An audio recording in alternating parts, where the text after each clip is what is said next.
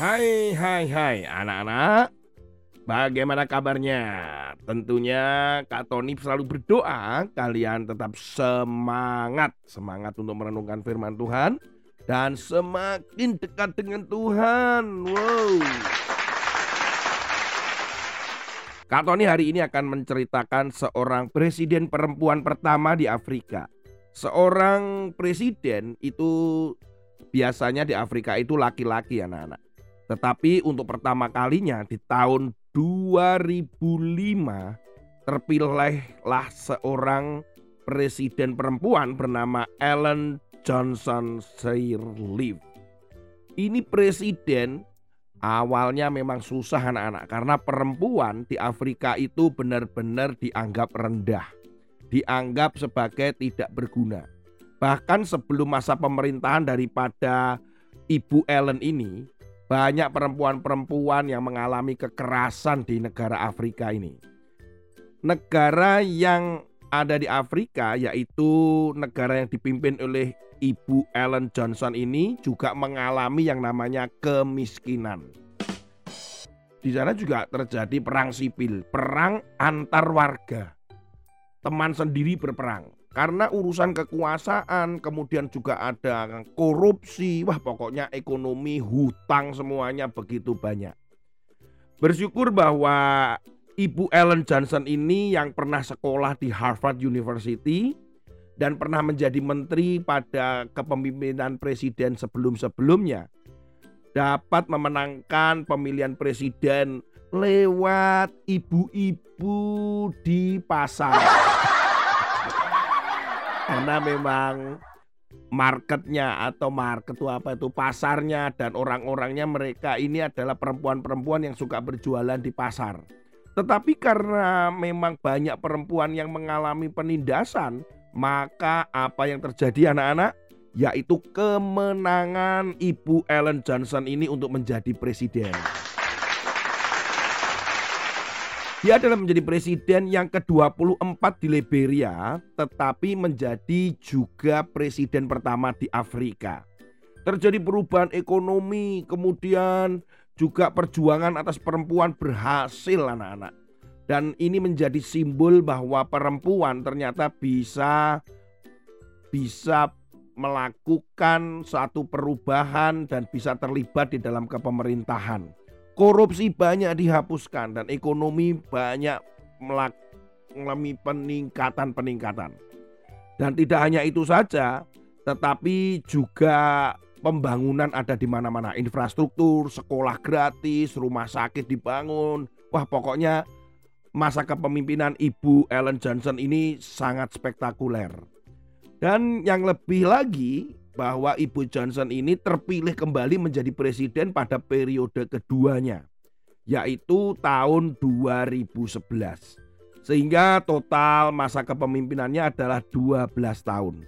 Tidak hanya cukup sampai di sana, dalam masa pemerintahan itu pun Ibu Ellen Johnson mendapatkan Nobel Perdamaian di tahun 2011. Sampai hari ini Ibu Ellen Johnson masih menjadi simbol kekuatan perempuan yang pernah ada dan pernah memimpin Liberia dan menjadi warga yang dihormati. Anak-anak, ternyata pemimpin negara itu bisa melakukan perubahan. Juga pemimpin negara bisa juga mengalami kekacauan. Contohnya ya pada saat sebelum Ibu Ellen Johnson ini menjadi presiden, presiden-presiden sebelumnya banyak korupsi, kekacauan, dan malapetaka terjadi penindasan juga di Liberia. Dan hari ini kita akan membaca firman Tuhan yang terambil di dalam Amsal pasal yang ke-24 ayat yang ke-21 dan 22. Hai anakku, takutilah Tuhan dan Raja. Jangan melawan terhadap kedua-duanya, karena dengan tiba-tiba mereka menimbulkan bencana, dan siapa mengetahui kehancuran yang didatangkan mereka. Jadi firman Tuhan hari ini itu mengatakan bahwa kita itu menghormati Tuhan dan menghormati pemimpin. Dalam hal ini adalah raja. Kalau di Indonesia adalah apa? Presiden. Memang pada zaman dulu raja itu sangat dekat dengan Tuhan karena segala sesuatu ketika mengambil keputusan orang-orang Israel itu selalu terkait dengan apa kata Tuhan. Kenapa? Karena memang otoritas raja itu diberikan oleh Tuhan. Nah, sekarang ini bagaimana Kak Tony? Sekarang ini kita tetap harus menghormati yang namanya presiden atau pemimpin negara. Dikatakan di ayat tadi, bayangkan pemimpin negara itu memiliki kuasa. Kita berdoa supaya pemimpin negara kita Indonesia ini yang memiliki kuasa atas Indonesia dan bangsa Indonesia dalam mengambil keputusan, pembangunan, mengambil kebijakan ataupun undang-undang, kita berdoa supaya tetap takut akan Tuhan. Kita berdoa supaya pemimpin negara kita itu takut akan Tuhan. Sehingga apa yang dilakukannya adalah memang kehendak Tuhan. Jangan sedikit-sedikit kita protes, sedikit-sedikit marah kepada pemerintah.